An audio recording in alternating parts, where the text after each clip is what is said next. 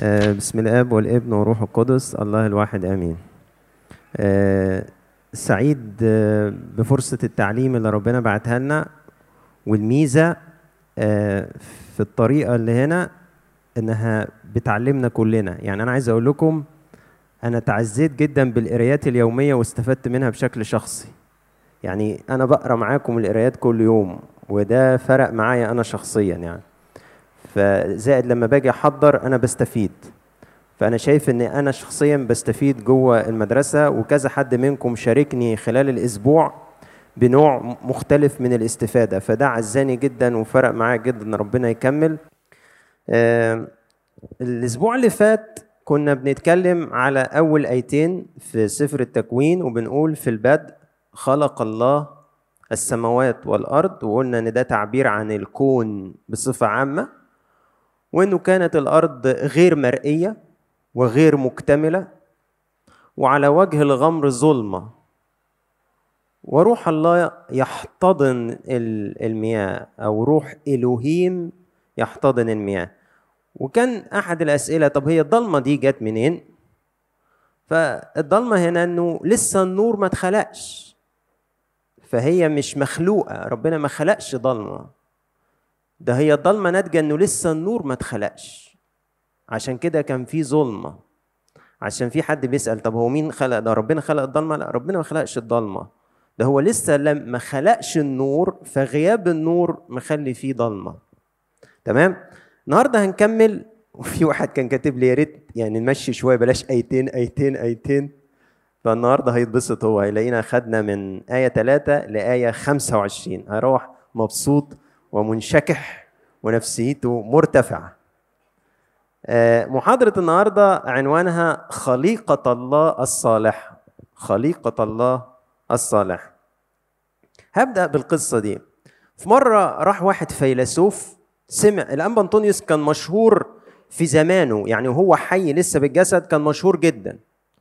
وبدأت تجيله زيارات من كل حتة مش الناس اللي بتتشهر بعد ما تتنيح لا هو كان اتعرف وهو موجود فواحد فيلسوف كده سمع بالراجل الراهب الناسك ده اللي في مصر اللي الدنيا كلها اتقلبت وبقي في حركة رهبانية في دول كتير على حسه فعايز يشوفه ده اتعلم إيه؟ ده اتعلم إزاي؟ خاصة إنه يعني عرف عنه إنه ما كانش يعرف اليونانية يا دوبك يعرف القبطي كده. فراح له الفيلسوف ده قال له قول لي أنت إزاي مستحمل العيشة هنا؟ وانت معكش أي كتب ويقصد كتب الفلسفة اللي هي الغذاء بتاع العقل بقى والفكر. راجل فيلسوف فبيقول له أنت إزاي قاعد هنا كده وطايق العيشة دي؟ ده أنت معكش ولا كتاب يغذي كده وينعش العقل. فراح قال له إيه؟ قال له كتابي أيها الفيلسوف هو الأشياء في الطبيعة طبيعة الأشياء دي. الكون ده اللي قدامي هو ده كتابي. وكلما أريد يمكنني أن أقرأ في أعمال الله. يعني عايز تعرف فين الكتاب بتاعي؟ الطبيعة دي اللي أنت شايفها دي كتابي. على فكرة ده مش معناه انه ما كانش بيقرأ في كتاب مقدس ده بيقصد من حيث الفلسفة لكن انبا انطونيوس كان حافظ الكتاب المقدس. فقال له أنا الطبيعة هي الكتاب بتاعي. لما بحب أقرأ بتأمل فيها وبقرأ فيها أعمال الله. وده اللي إحنا هنلاحظه النهارده في المحاضرة بتاعتنا. أستأذنكم من موبايلك أو من كتابك المقدس وافتح معايا من أصحاح واحد من ثلاثة لخمسة وعشرين.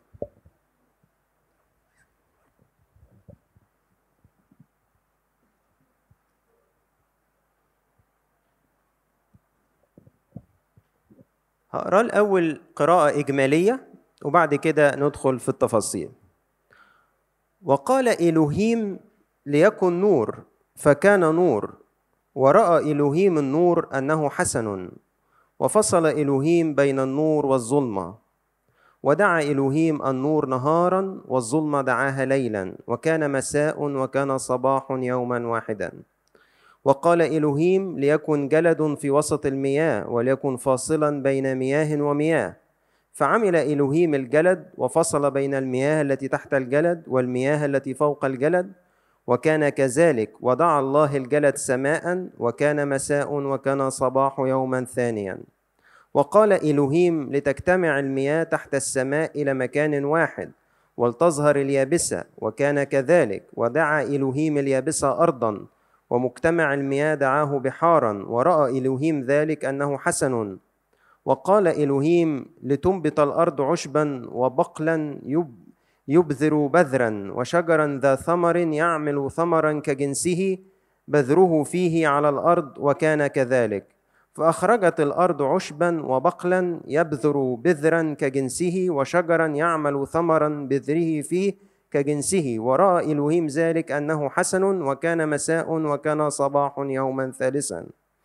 وقال إلهيم لتكن أنوار في جلد السماء لتفصل بين النهار والليل وتكون لآيات وأوقات وأيام وسنين وتكون أنوارا في جلد السماء لتنير على الأرض. وكان كذلك. فعمل إلهيم النورين العظيمين النور الأكبر لحكم النهار والنور الأصغر لحكم الليل والنجوم. وجعلها الإلهيم في جلد السماء لتنير على الأرض. ولتحكم على النهار والليل ولتفصل بين النور والظلمة. ورأى إلهيم ذلك أنه حسن وكان مساء وكان صباح يوما رابعا. وقال إلهيم لتفض المياه زحفات ذات نفس حية وليطر طير فوق الأرض على وجه جلد السماء. فخلق إلهيم التنانين العظام وكل ذوات الأنفس الحية الدبابة التي فاضت بها المياه كأجناسها. وكل طائر ذي جناح كجنسه ورأى إلهيم ذلك أنه حسن وباركها إلهيم قائلا أثمري واكثري واملئي المياه في البحار وليكثر الطير على الأرض وكان مساء وكان صباح يوما خامسا وقال إلهيم لتخرج الأرض ذوات أنفس حية كجنسها بهائم ودبابات ووحوش أرض كأجناسها وكان كذلك فعمل إلهيم وحوش الأرض كأجناسها والبهائم كأجناسها وجميع دبابات الأرض كأجناسها ورأى إلهيم ذلك أنه حسن مجدا للثالوث القدوس. بعد ما قرينا المقطع ده على بعضيه كده نبدأ الملاحظات بتاعتنا. في أمرين متلازمين في موضوع الخليقة ده. بيعبر عنهم الصورتين دول. أمرين هتلاحظوهم يعني أنت خلي الشاهد مفتوح قدامك وارجع بص كده هتلاقي دايما ربنا يعمل الآتي يخلق حاجة جديدة ويروح فاصل بين حاجتين موجودين فينفع يحصل إثمار وإنبات. يعني بيوجد شيء ما كانش موجود. وبعدين يفصل بين الحاجات الموجودة دي الخطوة الأولى. والخطوة الثانية تلاقي حصل نتيجة لكده ثمر. تلاحظوها في آه، أول يوم ربنا قال ليكن إيه؟ خلق نور وبعدين عمل إيه؟ فصل بالنور والظلم تاني يوم راح عمل الجلد. الجلد ده اللي هو الغلاف الجوي سماء الطيور يعني. وراح فصل بين مية فوق الجلد اللي هي إيه؟ السحاب ومية تحت الجلد اللي هي بتغطي الأرض. أدي بيفصل. وجه اليوم الثالث راح جمع المية كلها. فظهرت إيه؟ راح فصل كده بين ال... بين اليابسة دي بقت أرض وبين إيه؟ المية دي كلها. قاعد ربنا يخلق ويفصل. فتلاقي بعد كده تعرف إنه أول ما اليابسة اتفصلت عن الأرض عن الغمر بقت أرض وبدأت تنبت إيه؟ عشب بدأت تنبت عشب. والمية اللي كانت كلها على بعضيها لما اتفصلت في اليوم الخامس أخرجت إيه؟ أخرجت الزحافات والطيور والأسماك وخلافه. وجه في ربنا برضو في اليوم الرابع راح خلق الشمس وخلق القمر وراح خلى ده لحكم النهار وده لحكم الليل وفصل بين النهار والليل. ربنا بيوجد شيء من لا شيء وبعدين تلاقيه قام بعملية فصل. ونتيجة الفصل ده الأشياء دي تلاقيها أصبحت مثمرة. لازم يبقى فيه الخط الفاصل ده عشان يبقى فيه الإسمار ده. إيه معنى ده في حياتنا إحنا كشباب؟ حد يعرف؟ هل ده ليه انعكاس في حياتنا كشباب؟ ادي ادي انه الله بيوجد شيء من لا شيء. إحنا لما تعمدنا اخذنا طبيعة جديدة. طول الوقت بعد كده ربنا بيشتغل بنعمته جوايا وبروحه القدوس عشان يخليني اقبل اني افصل بين النور والضلمة في حياتي الشخصية. بين الحق وبين الباطل. بين الصح وبين الغلط. من طول ما أنا أقبل ده وأتعاون مع مع روح ربنا ومع نعمة ربنا بتشتغل جوايا وأقبل الفصل ده كل ما يظهر ثمر في حياتي. لكن لو أنا قاومت الفصل ده وأصريت زي ما بتقول ماريا أعرج بين الفرقتين أفضل في المنطقة أحاول أخلق منطقة رمادي في حين هي أصلا أمام الله مش موجودة. دي دي ضحكة. إحنا بنخلقها لنفسنا لكن هي أمام عينينا ربنا. ما عندوش ربنا رمادي. عنده نور وظلمة. عنده حق وعنده باطل. بس. فلما أنا بخلق لنفسي منطقة رمادي وأرفض إن أفصل بلاقي حياتي مش مثمرة. وكأني لما برجع للأصول بفهم إن دي الاستراتيجي بتاعت ربنا دايما. هو أوجد شيء من لا شيء. وعمل كده في حياتي إداني طبيعة جديدة مقامه من الأموات إنسان جديد جوايا. وبيقول لي افصل بقى ما تسيبش الأمور داخلة في بعضيها. ده فكر على فكرة فكر كتابي. يعني ده مش تأمل. مش مش ده الكلام يا جماعة اللي موجود في الإنجيل في أرمية 23 28 يقول إيه؟ مال التبن مع الحنطة يقول الرب. إيه اللي يخلي التبن والحنطة؟ عارفين الحنطة إيه؟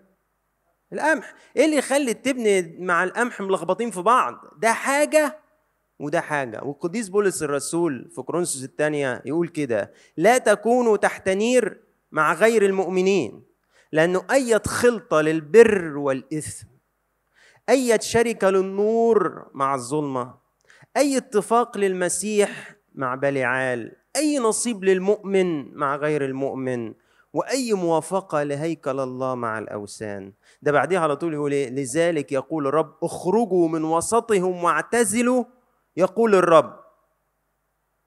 لازم لازم أفصل. أنا ليه مش مثمر في حياتي؟ لأني بهاب الخطوة بتاعت الفصل. بحسها ثانوية عامة وأنا عايز أفضل في ثالثه ابتدائي. ثانوية عامة صعبة. أنا خليني في ثالثه ابتدائي. الفصل عايز رجولة روحية عايز حسم وهتشتغل بنعمة ربنا مش بشطارتك بس عايز رجولة. ولما إحنا بنعيل مش بنفصل ولما ما بنفصلش ما بنسمرش. دي حاجة مهمة جدا موجودة في الطريقة اللي ربنا خلق بيها هذه الخليقة عشان كده لما القديس أنبا أنطونيوس بيقول للفيلسوف أنا لما أحب أتفلسف ببص لإيه؟ يبدو إن الكلام اللي قلناه دلوقتي كلام يحمل فكر فلسفي أو منطق. جبناه منين؟ جبناه من التأمل في الأشياء اللي خلقها ربنا. لما تأملنا الخطوات اللي خدها ربنا فهمنا حاجة بالنسبة لحياتنا. وقال إلهيم ليكن نور فكان نور وراء إلهيم النور أنه حسن وفصل إلهيم بين النور والظلمة ودعا إلهيم النور نهارا والظلمة دعاها ليلا وكان مساء وكان صباح يوما أول. هنمر كده على عشر حقائق سريعة جدا في الآية الأولى دي. أول حاجة بنطلع بيها من الآية دي تمييز واضح بين الخالق والخليقة. قال الله ليكن. الآية واضحة بتميز بين الخالق والمخلوقات. الخليقة مش جزء من الخالق لا. الخليقة خارجة عن الخالق هو أوجدها زي ما اتكلمنا المرة اللي فاتت. تاني حاجة إن كلمة ربنا مش زي كلمتنا. يعني إحنا نقول نقول للصبح هل الكلمة بتاعتنا تخلق شيء؟ لكن لما الله يقول يحصل واقع جديد. على فكرة حد يعرف في البدء كان الكلمة اللي في إنجيل يوحنا في الفرنساوي موجودة. إيه هي عندنا في الإنجليزي the Word صح؟ the Word الكلمة. حد يعرف الفرنساوي؟ هتستغربوا جدا. الجماعة بتوع الفرنساوي فرنساويين لما جم يترجموا الكتاب المقدس عن العبري واليوناني ما حطوش الكلمة المقابلة لل Word في ال English. كتبوا le Verbe عارفين يعني إيه le Verbe الفعل. في البدء كان الفعل. بالنسبة لهم الكلمة كلمة فاعل مش كلمة عادية. يعني عايز يوريني إن كلمة ربنا مش مجرد كلمة تتنطق دي كلمة فاعلة. زي ما بيقول القديس بولس لأن كلمة الله ويعني معلش هقولها بطريقة أنت تستغربها شوية. كلمة الله حي وفعال وأمضى من كل سيف ذي حدين. فعال بيعمل شيء بيوجد شيء. عشان كده الترجمة الألطف والأوقع هي الترجمة الفرنسية اللي بتقول لفيرب الفعل. في البدء كان الفعل. كلمة ربنا مش كلمة هوى زي كلامنا. ثالث حقيقة إنه بتواجه في الآية دي زي ما تواجهت في الآية السابقة وروح الله يحتضن المياه. شفت أقنوم الروح القدس؟ في الآية دي بشوف أقنوم الكلمة. وقال الله ليكن الكلمة بتاع ربنا ظهر. رابع حقيقة إن كلمة ليكن في العبري يهي وده نفس المقطع اللي في اسم الرب يهوى. ويهوى يعني الكائن. يعني ال ال ال الكائنات جاية من الكائن ولولا الكائن ما كانش تبقى موجودة. يهي من يهوى. هو اسمه يهوى يعني الكائن. والكائنات الموجودات دي ليكن اسمها يهي. يعني لولا يهوى ما فيش كينونة لحد هو الوحيد اللي ليه كينونة في ذاته. خامس حقيقة خدوا بالكم النور ده يا جماعة مش الشمس. ده مش الشمس الشمس هتتخلق في اليوم الرابع. سادس حقيقة برضو النور ده مش نور الله ده نور مخلوق. سابع حقيقة إيه معنى إنه يتقال وراء الله أن النور حسن؟ وهيقول حسن دي كتير بعد كده. حسن يعني مش شكله حلو زي ما إحنا يعني عيني تشوف حاجة حلوة فتقول عليها الله دي جميلة. بالنسبة لربنا حسن يعني ملائم للغرض اللي معمول عشانه هيحقق الغاية منه. ده الحسن في عينين الله. إن الحاجة اللي أوجدها إن الإنسان اللي أوجده يحقق الغاية من وجوده كده يبقى ده حسن. تامن حاجة لازم نفصل بين النور والضلمة زي ما اتكلمنا. تاسع حاجة انه وكان مساء وكان الصباح يوما أول. المساء قبل الصباح. اليوم الكوني اللي موجود في تكوين واحد مش صبح وبعدين ليل. لا ده ليل وبعدين صبح. وده نفس اليوم اللي ترجي في الكنيسة. النهارده ما اسموش الجمعة إحنا دلوقتي عشية السبت. أنتوا عارفين كده؟ طلع القراية من القطمارس عندك هتلاقي انت هتقرأ عشية السبت. فاليوم الكنسي زي اليوم الكوني مساء ثم صباح. عشر حاجة إذا كان الخليقة الأولى أشرق عليها نور مخلوق اللي إحنا محكين عليه ده ليكن نور فالقديس بولس بيوري امتيازنا إحنا بقى الخليقة الجديدة إن أشرق علينا النور غير المخلوق. بيقول إيه؟ لأن الله الذي قال في كورنثوس لأن الله الذي قال أن يشرق نور من ظلمة. أيوه عارفينها دي اللي في تكوين واحد. أيوه. هو الذي أشرق في قلوبنا بإنارة معرفة مجد الله في وجه يسوع المسيح. بص كده القديس بولس قال فاكرين النور اللي أشرق في تكوين واحد من ضلمة؟ آه فاكرينه. أهو إحنا كده برضو بس إحنا ما أشرقش علينا النور بتاع تكوين واحد لأن النور بتاع تكوين واحد ده نور مخلوق. إحنا لينا امتياز أروع إحنا أشرق علينا النور غير المخلوق اللي هو شخص المسيح أشرق في قلوبنا عشان نشوف مجد الله في وجه يسوع المسيح. عشر حقائق في اليوم الأول. اليوم الثاني وقال إلهيم ليكن جلد في وسط المياه وليكن فاصلا بين مياه ومياه فعمل إلهيم الجلد وفصل بين المياه التي تحت الجلد والمياه التي فوق الجلد ودعا إلهيم الجلد سماوات وكان مساء وكان صباح يوما ثان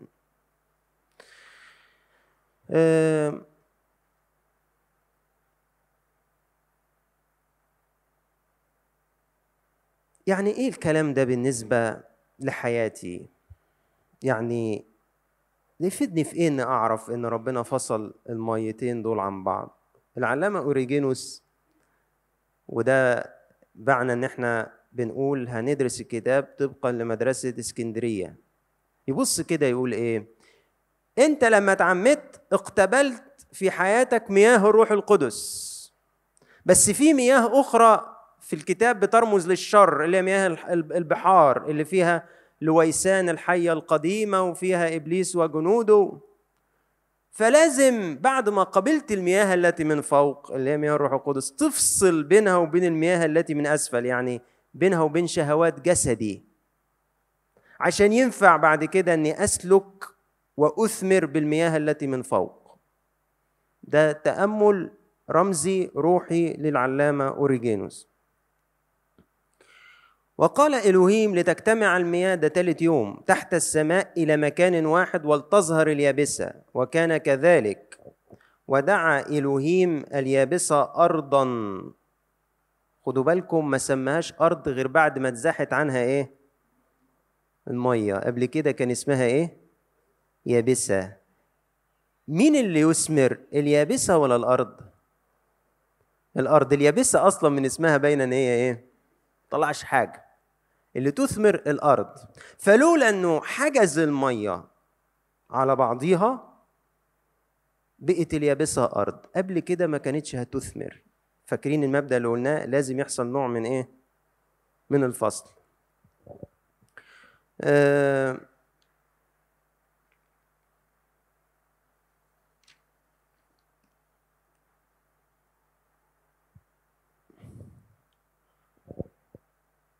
المنظر بتاع المية كده وهي بتتجمع حاجة إعجازية يعني أنتوا عايزكم تتخيلوا الأرض بتاعتنا ككوكب كلها مغمورة بالمياه ما بينش فيها فتفوتة أرض.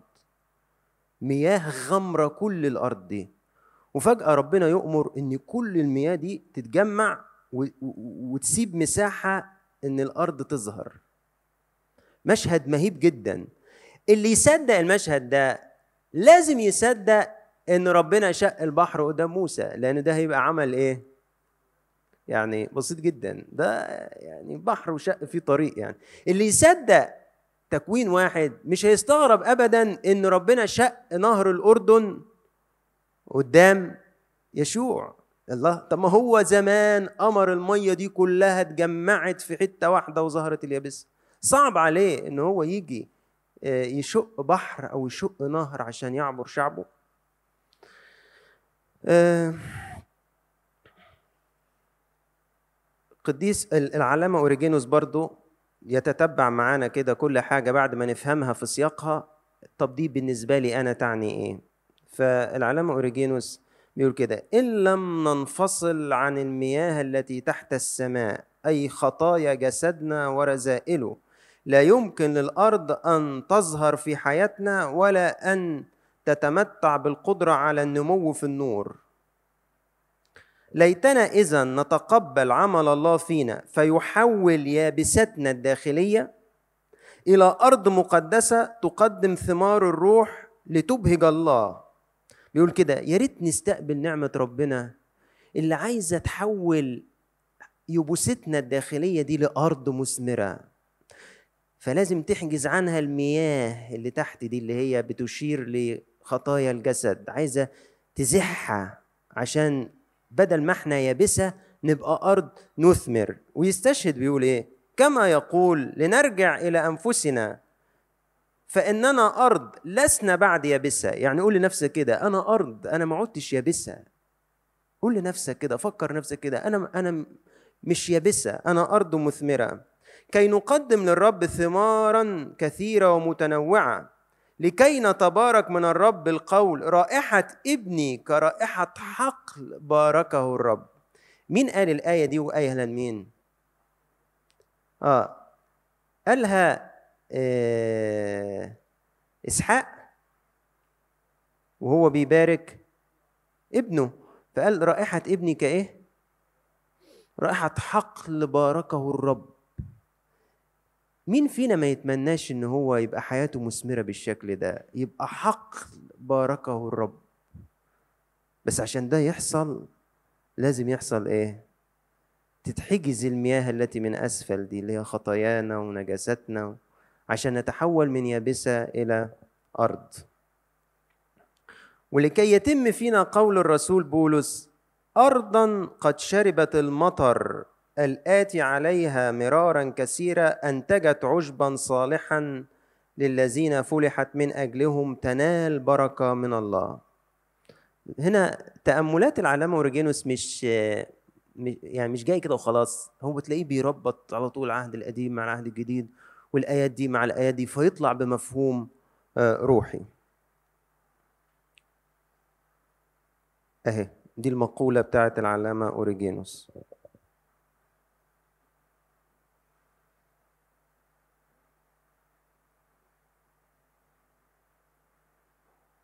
اليوم الرابع ربنا خلق فيه النيرين العظيمين الشمس والقمر. وبستعير كده التفسير التايبولوجي اللي قلت لكم عنه اللي هو يمسك عدسة ويشوف المسيح فين في الحدث ده. تفسير التايبولوجي اللي هو الأمثلة والنماذج.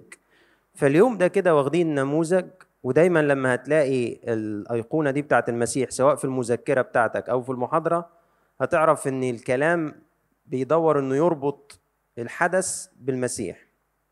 أنا مثبت الأيقونة دي سواء في الملزمة عندك أو في المحاضرات. منين ما هتلاقي الأيقونة دي معناها إن الكلام اللي هتقراه إيه علاقة النص ده بالمسيح.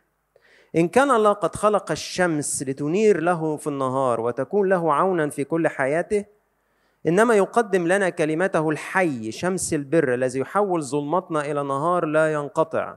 وهبا إيانا حياة جديدة داخلية. يسطع بإشراقاته على الكنيسة فيجعل منها قمرا تضيء على العالم.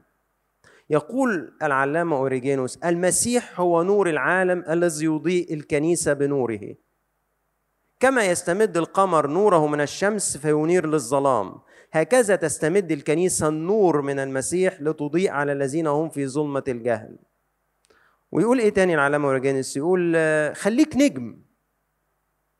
بس طبعا مش باللغة بتاعتنا إحنا الشباب يعني. إحنا خليك نجم دي بتتفهم. يعني لا خليك نجم على طريقة العلامة أوريجينوس اللي هي إيه؟ قال لك موسى مثلا موسى يعتبر كوكب في الكنيسة من ضمن النجوم اللي بتنور واخدة نور من الشمس وبتنور زي القمر كده الكنيسة القمر وفيه نجوم. فقال لك خليك نجم خليك زي موسى كان أحد هذه الكواكب يلمع فينا وأعماله تنيرنا. خليك زي إبراهيم وأشعياء ويعقوب وأرميا وحسقيال. كل دول كل دول كانوا نجوم. واخدين نور من شمس البر فاستطاعوا في الكنيسة إن هم يضيئوا على آخرين.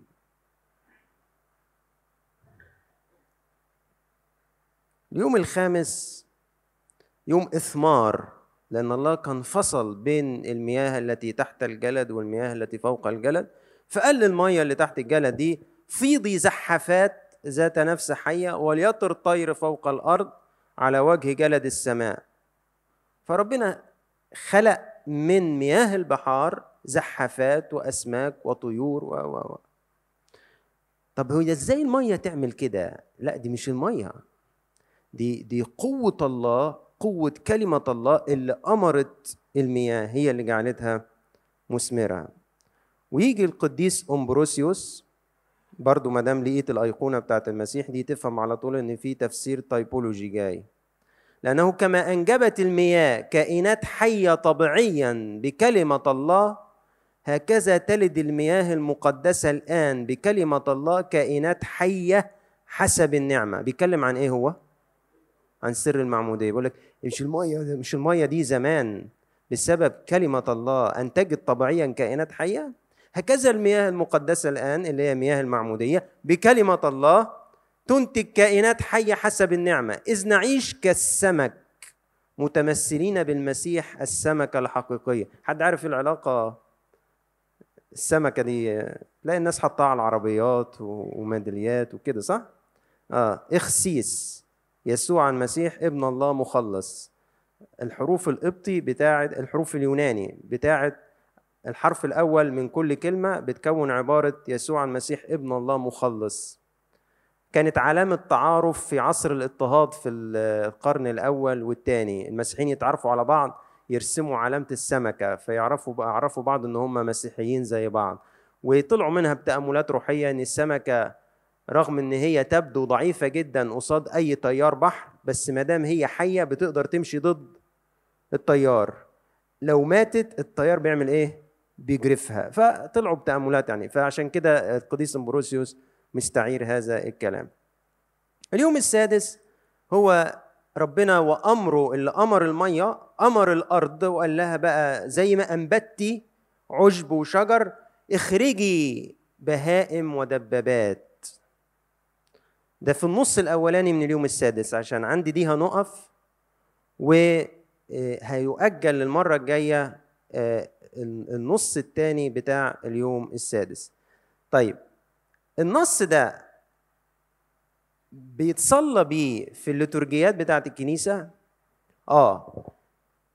الحاجات اللي فاتت اللي خدناها المحاضرة اللي فاتت هياها بس ضيف عليها الجداد دول كمان.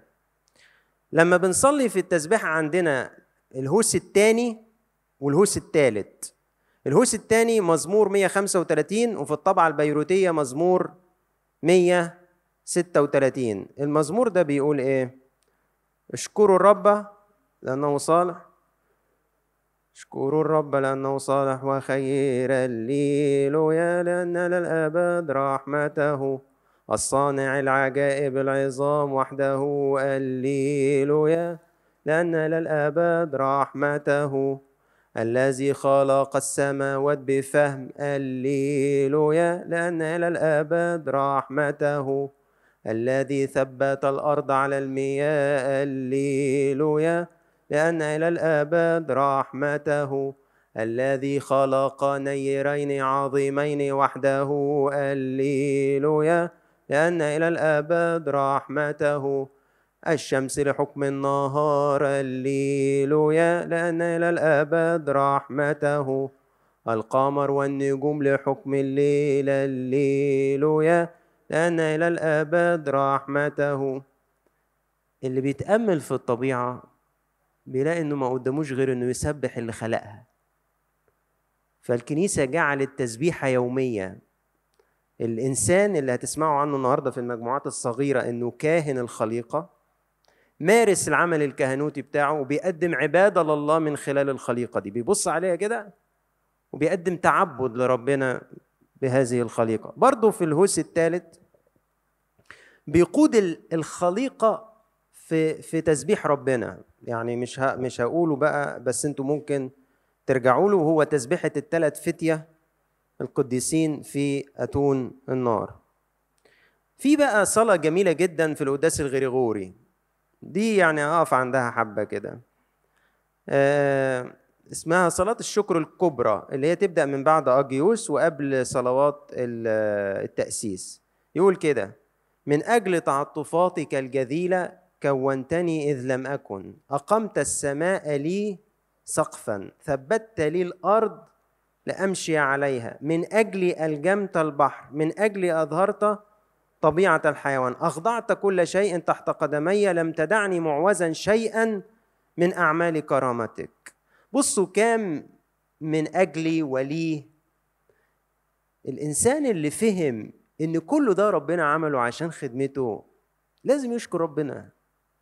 كل ده يا رب من أجلي يعني أنا أنا مزهيهم مزاهي اللامية ومن أجلي مزاهيهم عشان في الليتورجية بتاعت الكنيسة بنشكر الله إن هو رتب كل ده عشاني عمل كل ده من أجلي أنا. فمفيش قدام كده غير إن أنا أقدم له شكر. تعالوا بقى في آخر حاجة كده لقطة بسيطة عن عقيدة موجودة في النص ده اسمها عقيدة صلاح الخليقة. إن الخليقة دي مش وحشة. ودي قالها القديس بولس لأن كل خليقة الله صالحة وتتناول بالشكر. يعني مفيش حاجة شر. مفيش إحنا كمسيحيين لا نؤمن أن المادة شر. تقول لي بس هي أحيانا بتبقى سبب شر. أقول لك آه وارد تبقى سبب شر. متى استعملناها إحنا بطريقة شريرة. لكن هي في حد ذاتها صالحة. تقول لي إيه هي يا عم الغنوسية والمنوية والكلام اللي أنت كاتبه ده؟ ابدا إيه الغنوسية دي توجه فلسفي كان موجود في الفترة بتاعت القرن الأول المسيحي وقبليه واستمر الوقت بعديه.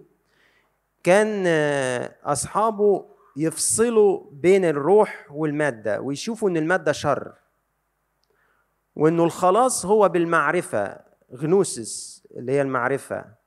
فلازم نبعد عن المادة لأنها شر. والمنوية كانت كذلك. المنوية دي مذهب كان موجود في القرن الثاني الميلادي يتبعه واحد اسمه ماني أو أسسه واحد اسمه ماني شايف إن المادة شر وإن في إلهين. إله خلق المادة وده شرير زي المادة اللي خلقها. وإله صالح خلق عالم الأرواح. وهما الاثنين كانوا يؤمنوا إن الروح الإنسانية محبوسة في الجسد. ويا سلام يوم ما تخلص منه لأن الجسد ده شرير وحابسها للأسف الفكر ده تأثرت بيه بعض الشخصيات وبعض التوجهات النسكية. يعني أحيانا تقرأ كده نماذج نسك متطرفة شوية فيها احتقار للجسد وفيها إهانة للجسد. المنهج المسيحي ما يقبلش الأسلوب ده. إحنا ممكن نخضع الجسد في شهواته لكن ما نحتقرش الجسد. ممكن آه نقول إن النفس أو الروح أسمى من الجسد لكن الجسد إحنا مش ضده الجسد مش شرير. طب تقول لي ده في آيات كتيرة في الإنجيل وبتقول الجسد؟ بيتكلم عن أهواء الجسد خطايا الجسد شهوات الجسد. إنما الجسد كفلش كمادة ما هو الشر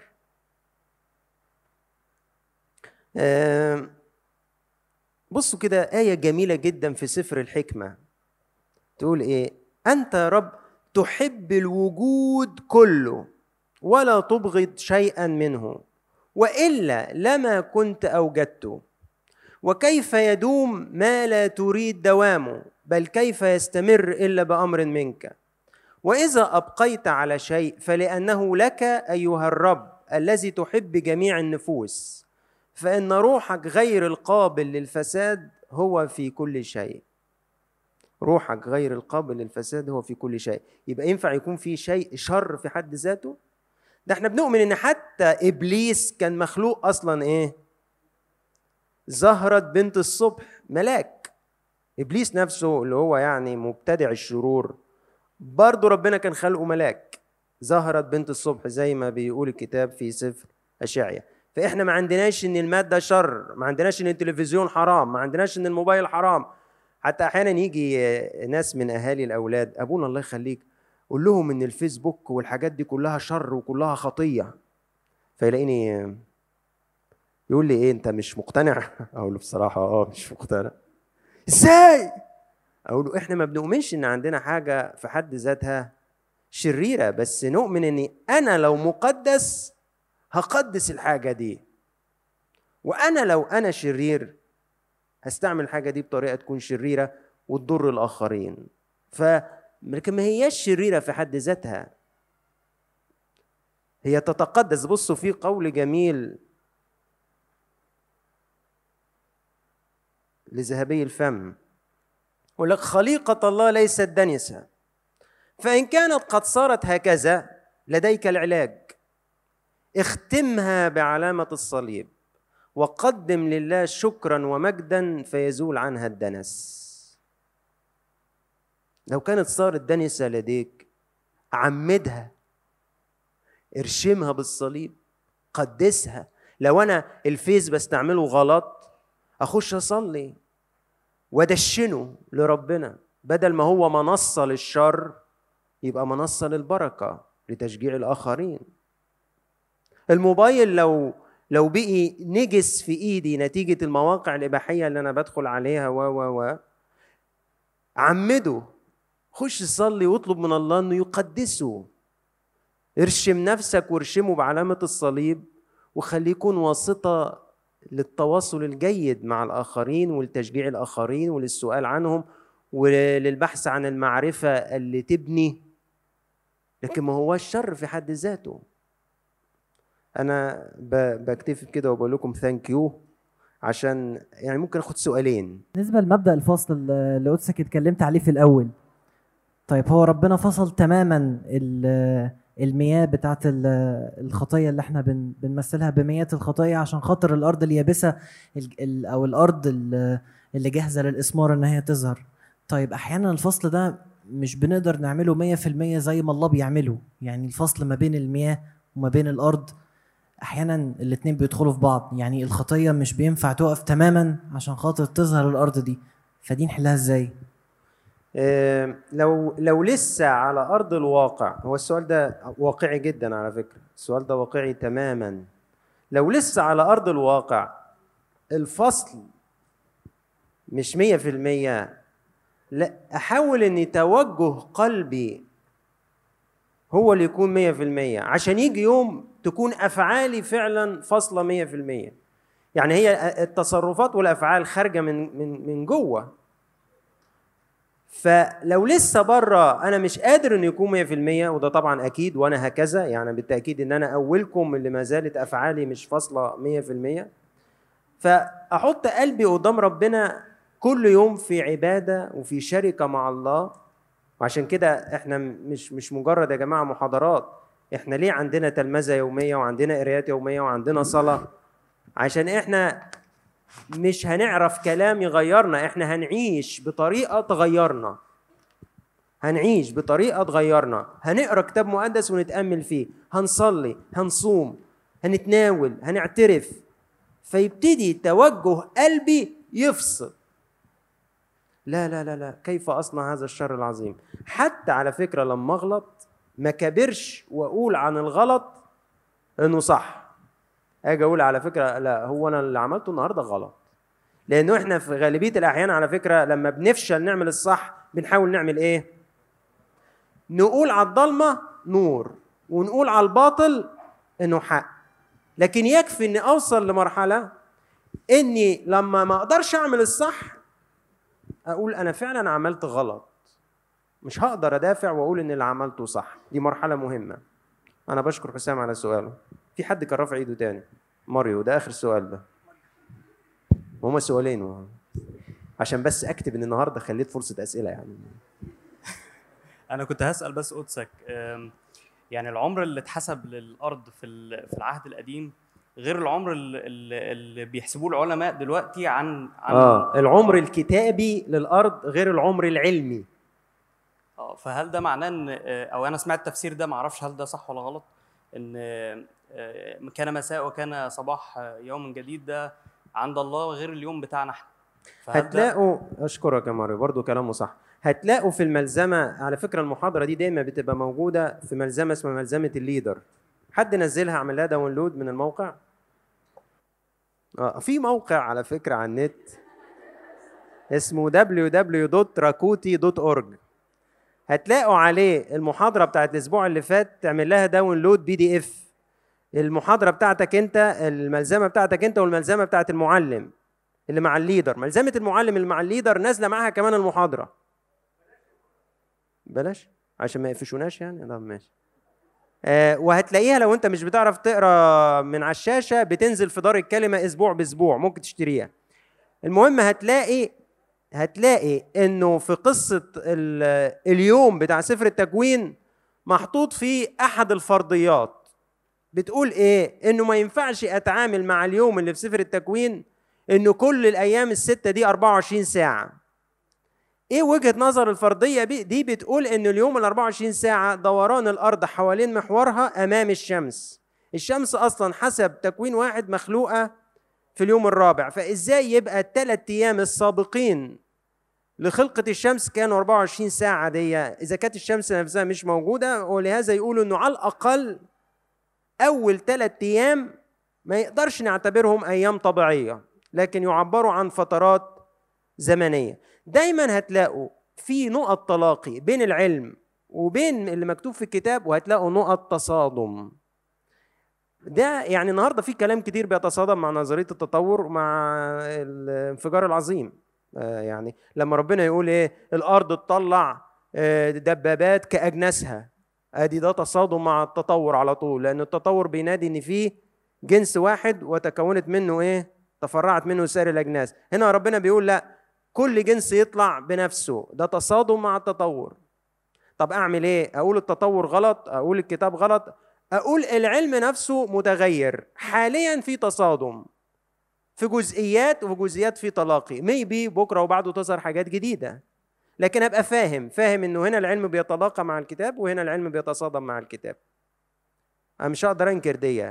برضو في ال Big Bang theory بيقول إن الأرض اتكونت من الشمس يعني بعد الشمس. هنا الكتاب بيقول إنه ال- الشمس خلقت بعد الأرض. ده تصادم واضح مع ال Big Bang theory أنا مش هقدر انكر هذا التصادم. مفيش إثبات. أيوه لأنها اسمها نظريات. نظريات يعني إيه؟ يعني ليها شواهد لكن ما هياش حقائق علمية. لا لا زالت في إطار النظريات سواء كانت التطور أو ال Big Bang theory أشكركم جدا إنكم مصحصحين ومركزين.